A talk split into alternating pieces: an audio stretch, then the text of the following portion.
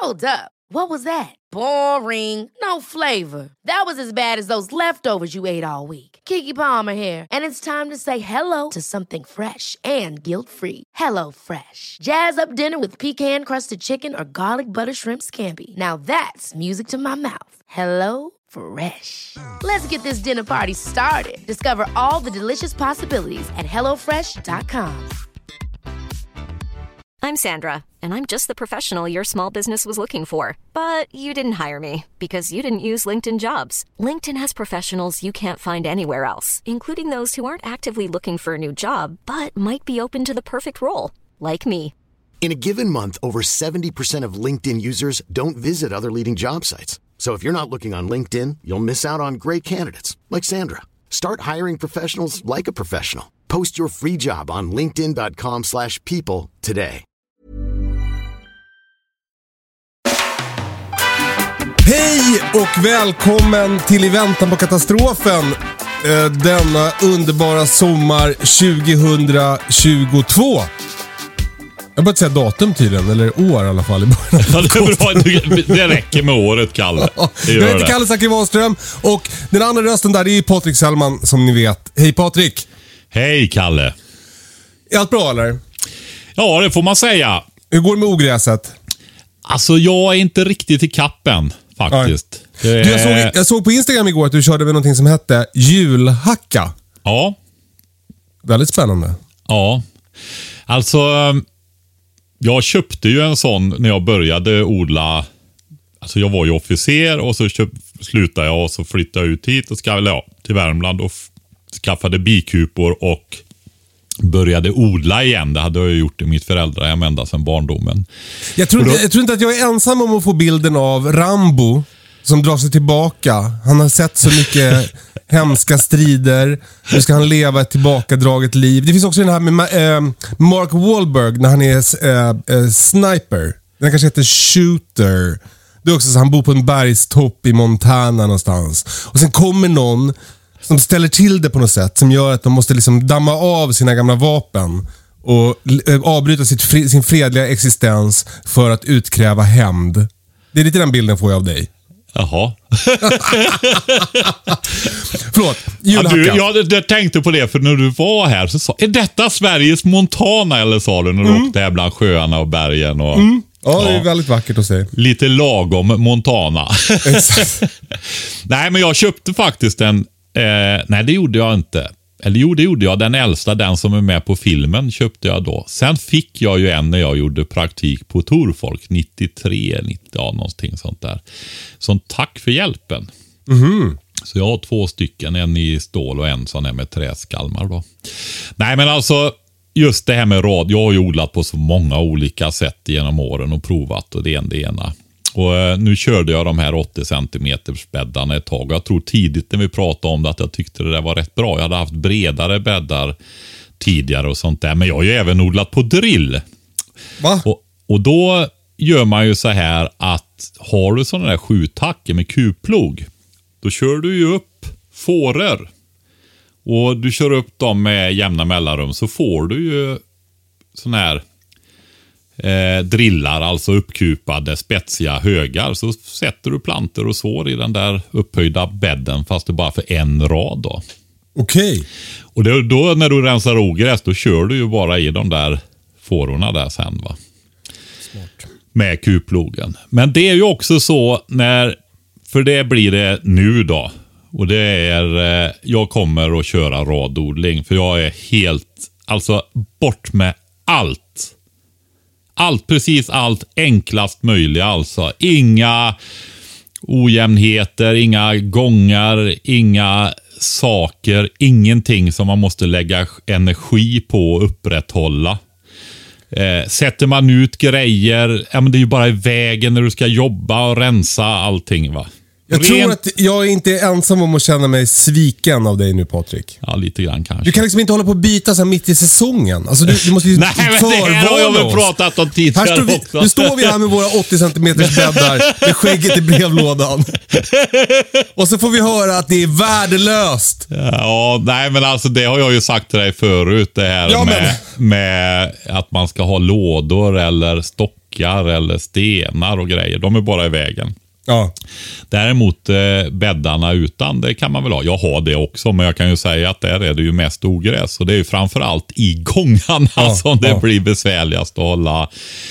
Kör du radodling så, eller drillar då, men det var länge sedan jag gjorde det. Då eh, har du egentligen inga gångar. Va? Så du går istället mellan plantorna? Ja, precis. precis. Men eh, då också, om man har det och har i alla fall ja, närmare 10 meter långa rader.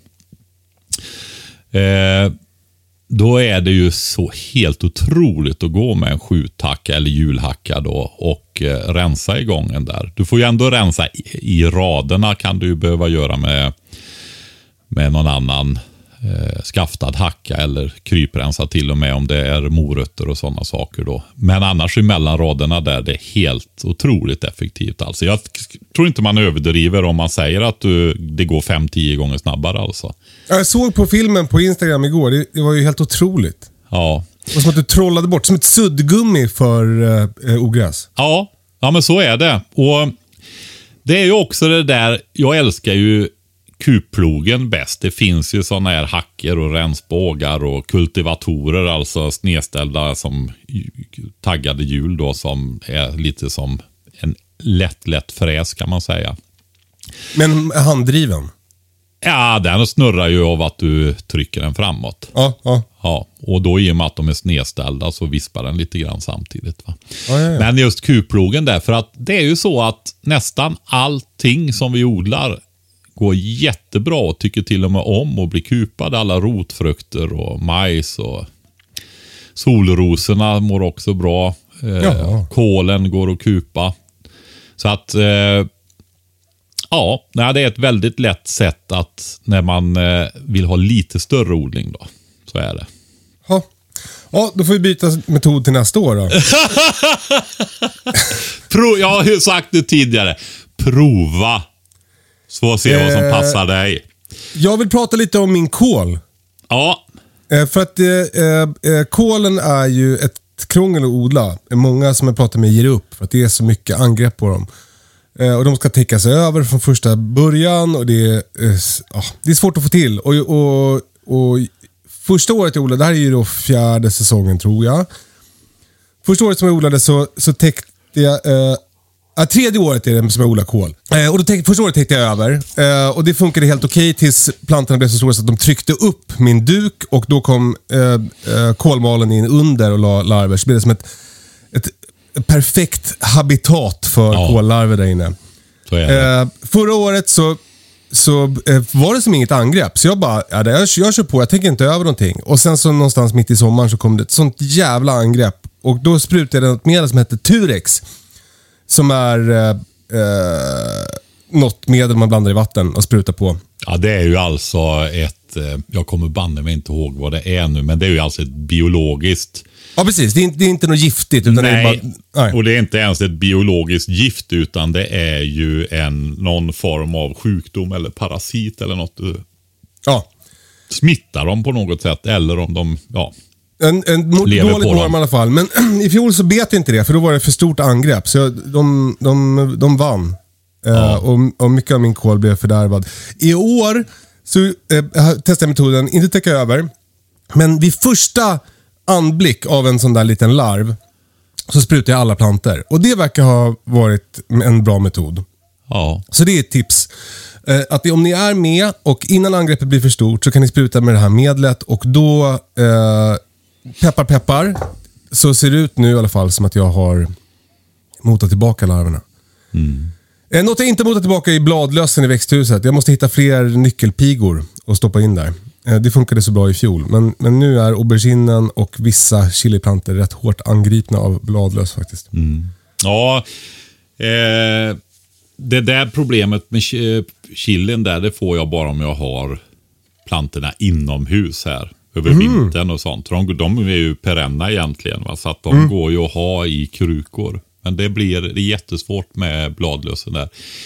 I växthuset har jag aldrig haft eh, bekymmer faktiskt. Lillos dig. Men, men, Men det alltså, funkar- det här med, med kolen där. Jag hävdar ju det ändå, fast jag får ju ändra på mig ibland. Man lär ju sig grejer hela tiden. Va? Det är ju så. Men jag har till exempel fått ändra mig om mina fruktträd. Men kolen, jag hävdar envist fortfarande att eh, det här med stor biologisk mångfald och hyfsat stora kolodlingar, det räcker väldigt långt. Och jag har... Det var så roligt att se det. Eh, nu är det var ett par som gick småbrukarkursen i fjol. De har eh, ett konto man kan gå in och kolla det. Granås Dam of Sweden heter de. Och eh, de har ju börjat odla väldigt mycket och verkligen satsa på det här med småbruk. Kolla deras kolplanter i år får ni se. De har inte haft det lätt historiskt heller förut alltså, men eh, men i år har det gått bra. Det finns ju en generation som kommer senare här nu. Som det är lite, har man inte skördat än, broccoli och tidig vitkål och sådana här grejer, blomkål och sånt, då, då kan komma ett angrepp till nu alltså. Så är det Och, ju va. jag har ju också haft problem med rapsbaggar som kommer sen när de har skördat rapsen som finns här i, i området. Nu har de inte odlat så mycket raps precis här runt mig, så jag hoppas jag ska slippa det i år. Ja. Men för raps och kål är ju, det, alltså det är ju en kolväxt. Så samma djur som går på den, rapsen går också på min kål. Det gör, Så är det. men- när du säger biologisk mångfald Patrik. Ja, perenner, bärbuskar, alltså blanda. Vi har ju en sån här, alltså man har inte sitt grönsaksland där långt där borta i hörnet för sig själv och så har man något annat där. Det här med att, utan blanda och väva ihop och gör buskridåer runt, skärma in, gör solfickor, använd perenner, buskar, träd, småväxta träd, olika grejer runt omkring alltihopa och att du så att du får oerhört mycket insekter va? och småfåglar. Mycket bärbuskar och sån här. Har du stora vindskydd mot norr med, med bärbuskar till exempel. Allt möjligt då. Alltså inte bara vinbär utan eh, aronia, fläder, eh, häggmispel, blåbärstry. Alltså enorma olika. Det här blir ju mat för småfåglar och sånt. De äter ju bladlöss och sådana saker också alltså. Så eh, att man gör det. För jag har aldrig sedan jag satte detta i system för 10-15 år sedan eller någonting sånt där. Eh, ordentligt använt någon täckning på kol eller sånt. Och jag har aldrig fått hela skörden fördärvad. Jag har haft vissa år har jag haft eh, så att de ser inte jätteroliga ut. Men då har det alltid rättat till sig ändå. Så att det blir bra kol på slutet. Jag kommer starta en stödgrupp för alla oss som känner oss knäckta nu efter att ha hört om alla de här arterna som vi ska plantera. Nej, men alltså det är ju jätteroligt. Du får ju vacker och livfull trädgård och det är som... Alltså jag har en känsla också av att om man gör så där så får du... Vad ska man säga? Det blir som en helt annan stämning i trädgården. Det blir mycket mer liv. Du får det som att allting bara trivs mycket bättre. Rub it in. Ja, så är det. Nej, men kolla det. Jag ska säga det också när jag ändå sa detta med deras fina kolplantor, för det var helt otroligt vad bra det gick där för dem. då. Men eh, det är det jag också kommer att ha eh, en biodlingskurs. Jag har en kurs kvar som jag fick lägga in på vardagar och det är nästa vecka. Och Det är tre platser kvar där. Om man går in på min webbsida småbruk.se Igår var det fem platser kvar och nu är det tre platser kvar. Eh, så att vi kör på 20-21 nästa vecka och sen är det en tredje dag som jag inte kommer ihåg, augusti-september, när vi kör skörd, invintring, sjukdomar och sådana där varroa och sådana där grejer. Men så där är tre platser kvar och bor ni i Göteborgsregionen, ja, ni får komma varifrån ni vill. Men jag, eh, det blir nog mina, jag har ju dratt ner väldigt på det här med resandekurserna nu då, så att det blir nog de sista som jag kör utanför min gård. Ta chansen. Ja,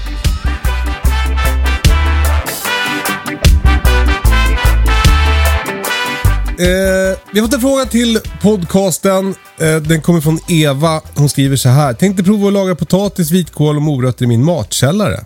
Men i vad? och hur tätt och så vidare. Hade trälårar förr, men tyckte de drog åt sig mögel. Berätta allt. Tack för inspiration, Eva. Så det är det där när de säger matkällare. Ja, visst blir man nervös? Nej, alltså jag vet, det är ju så här. Det finns ju olika typer av källare. Va? Alltså du vet, du har ju de här som man kan kalla för skafferier. Och sen har du de här, så tar du första halvan på förra seklet så byggde man ju och hade sådana här i sin grävda källare alltså. Ja, men exakt. Det är det jag tänker. Som ett skaff stort skafferi i den grävda källaren, tolkar jag det som. Ja, ingen jordkällare alltså Nej. ute. Och där är det ju oftast lite svalare i de där gamla husen om man inte har ändrat på det då. I moderniteten där man ska ha 23 grader i varenda kubikcentimeter i hela huset. ja, så hon har väl hyfsad temperatur där nere och det har ju gått med träbackar förut. Men det låter ju samtidigt som, ja visst, det blir lite fuktigt även av potatisen sig själv då. Va? Den alstrar ju eller den håller ju på med cellandningen då va. Det är ju en levande så att den andas ut vatten och koldioxid. Då. Mm. Det där har vi ju pratat om en del och vi har ju kört med plastbackar. De är ju Alltså, jag, för potatisen har jag ju kört trälårar. Mm. Eh, och det har ju funkat bra för mig i min jordkällare. Men sen för morötter har jag kört plastbackar Just det, så var det ja. eh, med sand och jag har testat plastbackar med tidningspapper som en morots och tidningspapper lasagne. Mm. Och, och det där får jag ofta frågor om, för vi visade upp det i tv-programmet, men vi sa aldrig vilket som var bäst. Så jag får mycket frågor om det. Och eh, eh, mitt svar brukar vara så här att sand var bäst, men tidningspapper var smidigast. Så, så eh, om man vill ha liksom det optimala resultatet så kör man sand. Då håller sig morötterna spänstiga längst. Men eh, plastbackarna blir tunga.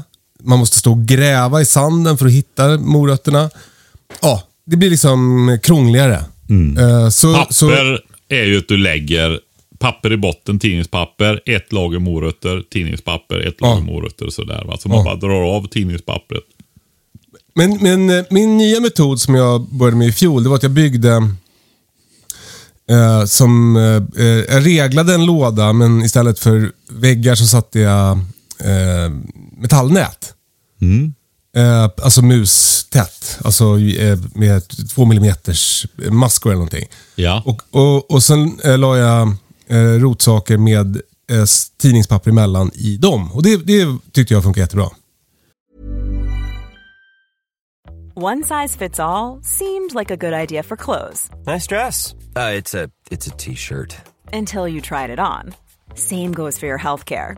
That's why United Healthcare offers a variety of flexible, budget friendly coverage for medical, vision, dental, and more. So, whether you're between jobs, coming off a parent's plan, or even missed open enrollment, you can find the plan that fits you best. Find out more about United Healthcare coverage at uh1.com. That's uh1.com. When you're ready to pop the question, the last thing you want to do is second guess the ring. At Bluenile.com, you can design a one of a kind ring with the ease and convenience of shopping online. Choose your diamond and setting. When you find the one, you'll get it delivered right to your door. Go to Bluenile.com and use promo code LISTEN to get $50 off your purchase of $500 or more. That's code LISTEN at Bluenile.com for $50 off your purchase. Bluenile.com code LISTEN. Ever catch yourself eating the same flavorless dinner three days in a row? Dreaming of something better? Well, HelloFresh is your guilt free dream come true, baby. It's me, Gigi Palmer. Let's wake up those taste buds with hot, juicy pecan crusted chicken or garlic butter shrimp scampi. Mm. Hello Fresh. Stop dreaming of all the delicious possibilities and dig in at HelloFresh.com. Let's get this dinner party started.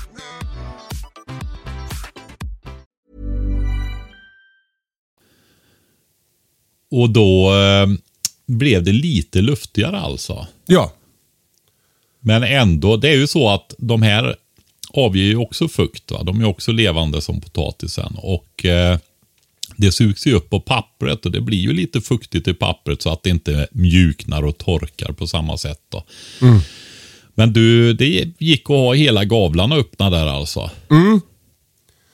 Det funkade bra i min jordkällare. Men Ja. sen så, eh, eh, jag skulle fortfarande säga sand eh, slår det här. Alltså sand var bättre. Eh, f- om man vill verkligen ha, om man har så pass stora odlingar så att man, man tänker att man ska ha det liksom till nästa vår. Då, då får man nog köra på sand för att det ska vara gott att äta. Man kan ju tänka sig så här då. Att man gör en plastlåda med sand. Ja, som man sparar till sist. Och så gör du det enklare sättet på det du äter under hösten och högvintern. Då, va? Men gäller sanden även för potatis och vitkål undrar jag då? Nej. Och Evas vägnar. Nej, det gör Nej. han inte. Det, det behöver du inte göra på samma sätt. då. Men jag tänker, eh, så som vi gör då, jag och även min dotter, vi har plastlådor, hon har plasttunnor. Och eh, det man får märka, alltså varje sånt här utrymme är ju lite unikt. Va? Det har ju sina fuktigheter och temperaturer och varierar över året och sådär. Så man får ju prova lite grann. va. Men det här är ju inte jättesvårt. För är det så att du har för luftigt, alltså du behöver ha ett lock på, då torkar ju potatisen lite grann och det märker man ju då. Att de översta börjar bli lite svampiga, mjuka efter ett tag. Eh, och sen har man för tätt, ja men då börjar det bli lite blött nere i det där och då får man ju se upp. Va? Då öppnar man ju lite, man får liksom reglera. Ofta är det det att man har en ganska liten öppning så att det är någon typ av luftning i den där lådan. För risken med den här, om vi säger, tänker matkällare, gjutet betonggolv i ett hörne i en byggd källare under ett hus. Så, eh, så blir det risken att det blir för torrt för rotfrukter där annars alltså. Potatis också. Det känns mer som att det är gjort för drickabackar. Ja, lite så. Konserver, syltburkar, saft och så. Va? Men det går, absolut. Det är perfekt att ha potatis i tätare lådor som är lätt luftade då. Va? Men då får man kolla så att det inte blir röta i för att man har för stängt eller att det skrumpnar för att man har för öppet. Då. Men när Eva säger drog åt sig mögel, det betyder väl att det har blivit för fuktigt? Ja, och det känns som att hon har haft trälårar då som har varit för täta. För då blir det ju, potatisen avger vatten och så har Ja. det, så är det. Så eh, man får reglera den där fuktigheten med locken där då. Och det har ju du, gjorde ju du i dina lådor med hål vad jag kommer ihåg. Ja, ja men exakt. Du gjorde ett hål i locken. Ja. Ja, eller det slutade också. Det var, jag hade lite problem att hålla mössen ute de där, Ja. utanför de där lådorna. Det slutade med att jag tog en OSB-skiva eh, och eh, gjorde som en ruta i mitten. Säg en kvadratdecimeter. Där satt eh, sånt där eh, hårt insektsnät. Och det blev min luftning. Ja. Eh, det funkade bra tror jag. Om man tar fördelen med en jordkällare så är det ju så att där vill man ju ofta ha Ja, det finns ju många jordkällare som har betonggolv hela vägen och som funkar jättebra. Jag hade lånat in med en sån när jag fick mitt knappa ton med potatis i fjol här. Då eh, fick jag ställa in i en sån, för då rymdes det ju inte hos mig. va. Eh, och det var betong. Du, alltså vi hade ju knappt groddade potatisar vid midsommar alltså. Oj! Alltså, Otroligt. Ja, det är bland den bästa jordkällare jag har varit med om alltså. Ja, grattis till den som äger den. Ja, precis. Jordkällar goals. Ja, men, eh, ja, precis. hur Men lagar vad- man vitkålen då? Ja, den, det, det klassiska med den, det är ju alltså att hänga den i rotstocken. Du har ju en stock under så du inte kapar av den, putsar av den längs med. Så har du kvar den så hänger man i den i någon form av ståltråd eller någonting sånt där. Så kan du knyta fast dem. Annars kan du lägga dem i nät eller försiktigt på hyllor också då. Men att hänga är, är det bästa då. Man kan hänga dem i nätkassar från taket. Ja, men sen ska jag också säga då att eh, om man är oerfaren och så är man van vid affären där det går personal hela dagen och putsar på allting och plockar bort allting som inte ser perfekt ut. Så är det så här att när du kommer in i din jordkällare, din matkällare eller ditt skafferi eller vad det är. För jag har ju förvarat mina bara liggande i skafferiet också. Och då kan det ju vara så här, oj då, jag har några vitkål kvar här borta också. Och de, de ser ju inte vackra ut alltså.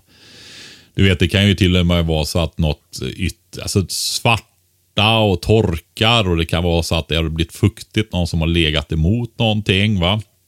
Då börjar det bli liksom nästan lite upplöst, blött och sådär. Skalar du av de här yttre bladen på ett vitkålshuvud som inte ser så roligt ut. Så har du ett oftast superperfekt vitkålshuvud inuti, några blad in. Va? Så skala alltid av dem när de ser tråkiga ut så får ni ett lite mindre perfekt vitkålshuvud inne i. Så är det. Ja, speciellt vitkål är så alltså.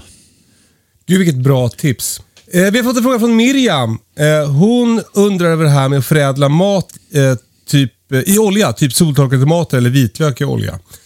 Eh, och riskerna med botulism. Ska, ska man göra de här grejerna liksom när man vill äta dem? Alltså ska du lägga ner soltorkade tomater i olja i samband med att du vill äta dem? Eller kan du förvara dem så en längre tid?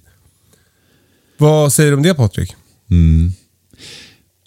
Alltså det här är väldigt känsliga områden alltså. Och jag kan säga som så här att jag förstår hennes fråga. Man ska vara försiktig när man lägger det i olja alltså. Ja, men för det här, det här är också så jävla, blir jävla rörigt för mig. För jag var helt säker på att om så länge du häller på olja på någonting så är det lugnt.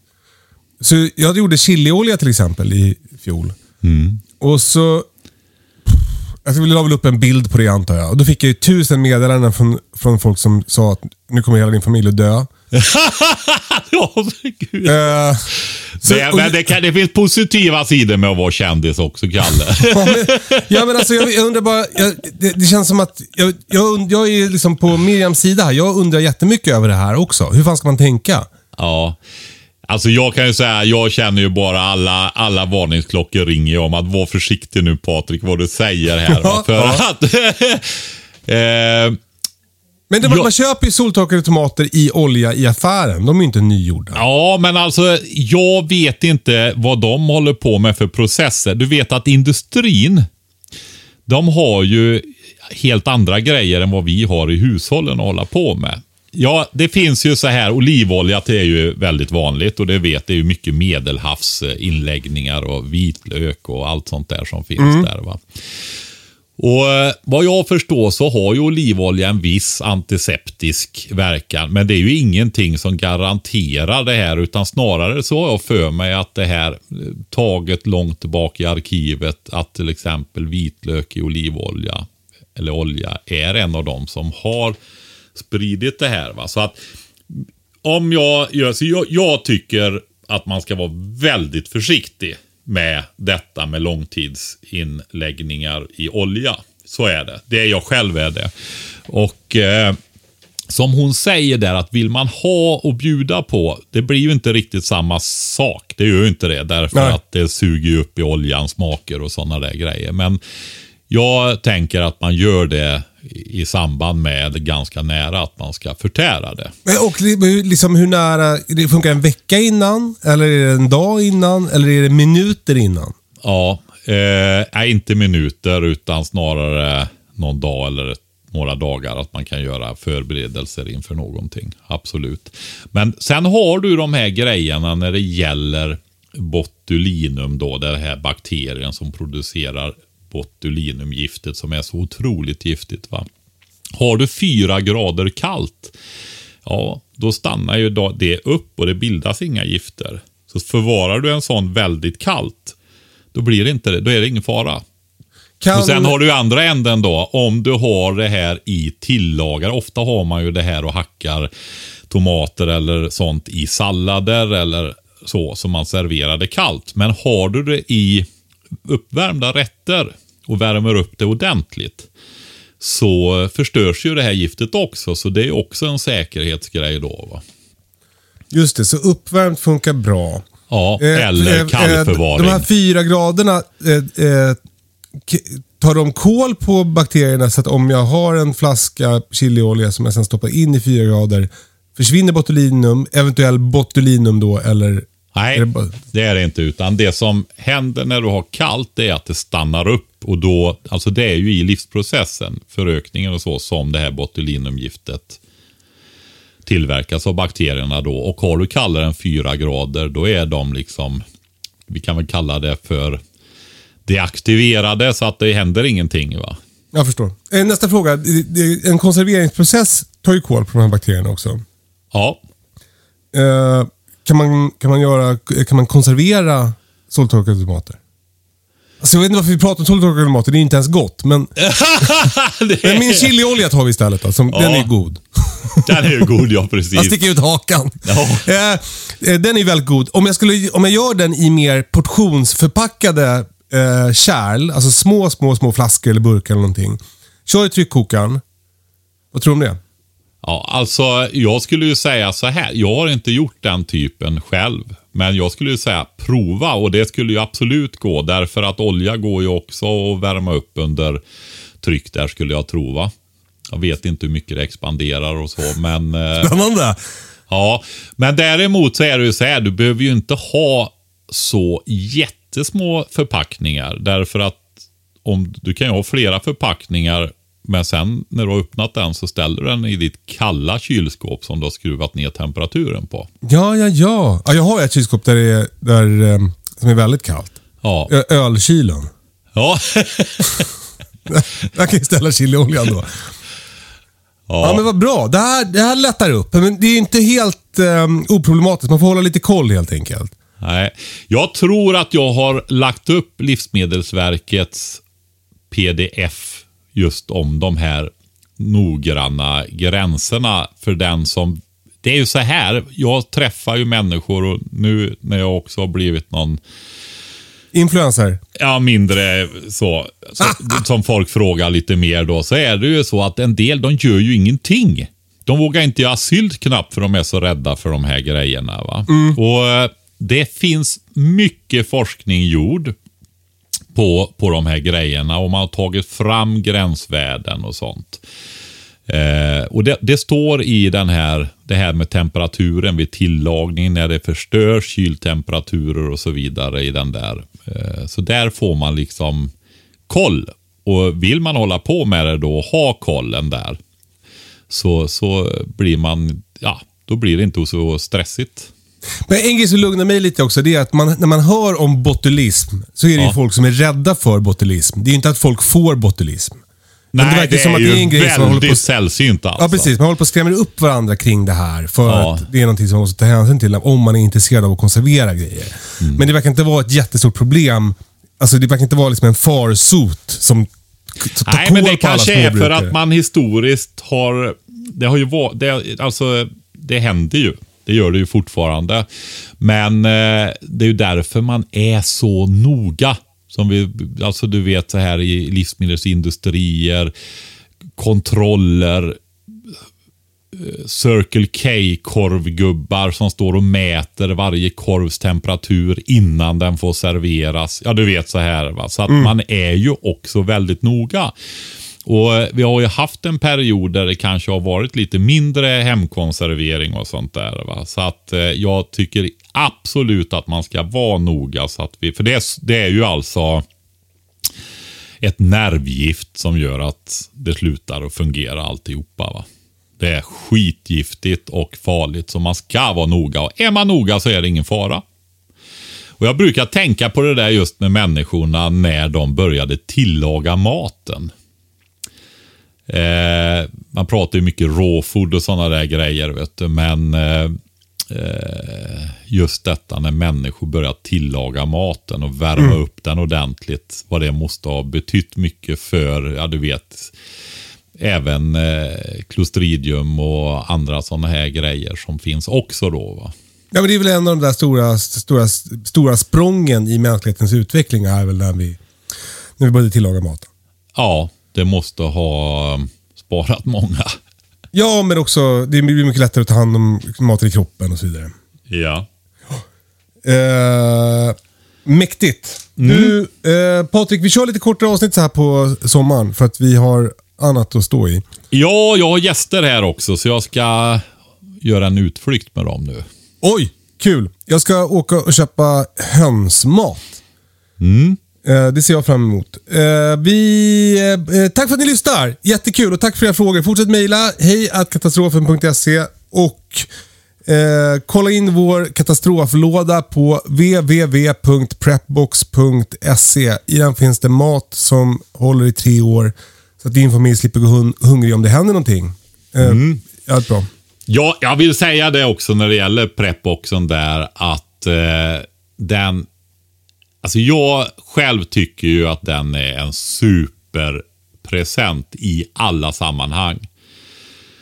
Alltså bröllopspresent, födelsedagspresent, jubileum, avslutning från jobbet-present, vad som helst. Och eh, det är fan sant, det har jag inte tänkt på. Nej, men alltså- Det är jävligt rolig bröllopspresent ju. Ja, men det, du!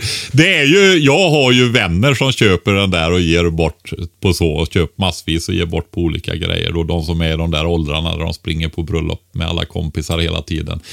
Eh, nej, men alltså.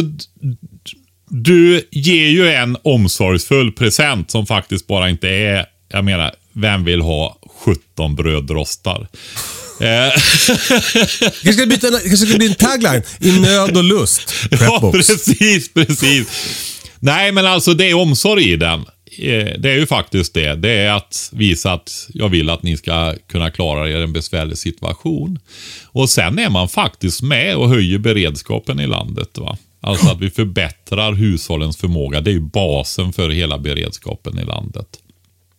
Ge Och en sen din granne. den tredje, det är att om man gillar den här podden så hjälper man ju oss. Just det.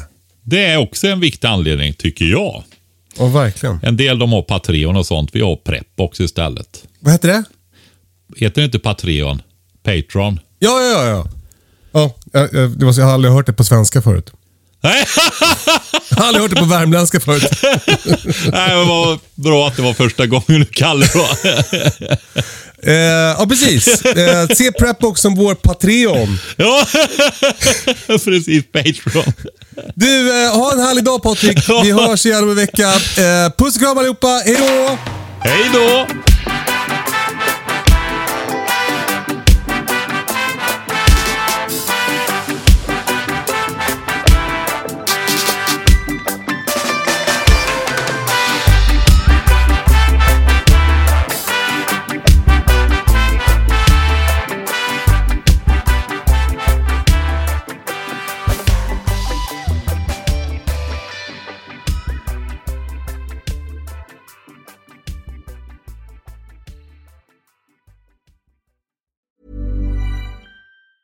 Planning for your next trip? Elevate your travel style with Quince. Quince has all the jet setting essentials you'll want for your next getaway, like European linen, premium luggage options, buttery soft Italian leather bags, and so much more. And it's all priced at 50 to 80% less than similar brands. Plus, Quince only works with factories that use safe and ethical manufacturing practices. Pack your bags with high-quality essentials you'll be wearing for vacations to come with Quince. Go to quince.com slash trip for free shipping and 365-day returns. Mom deserves the best, and there's no better place to shop for Mother's Day than Whole Foods Market. They're your destination for unbeatable savings, from premium gifts to show-stopping flowers and irresistible desserts. Start by saving 33% with Prime on all body care and candles. Then get a 15-stem bunch of tulips for just $9.99 each with Prime. Round out Mom's menu with festive rosé, irresistible berry chantilly cake, and more special treats. Come celebrate Mother's Day at Whole Foods Market.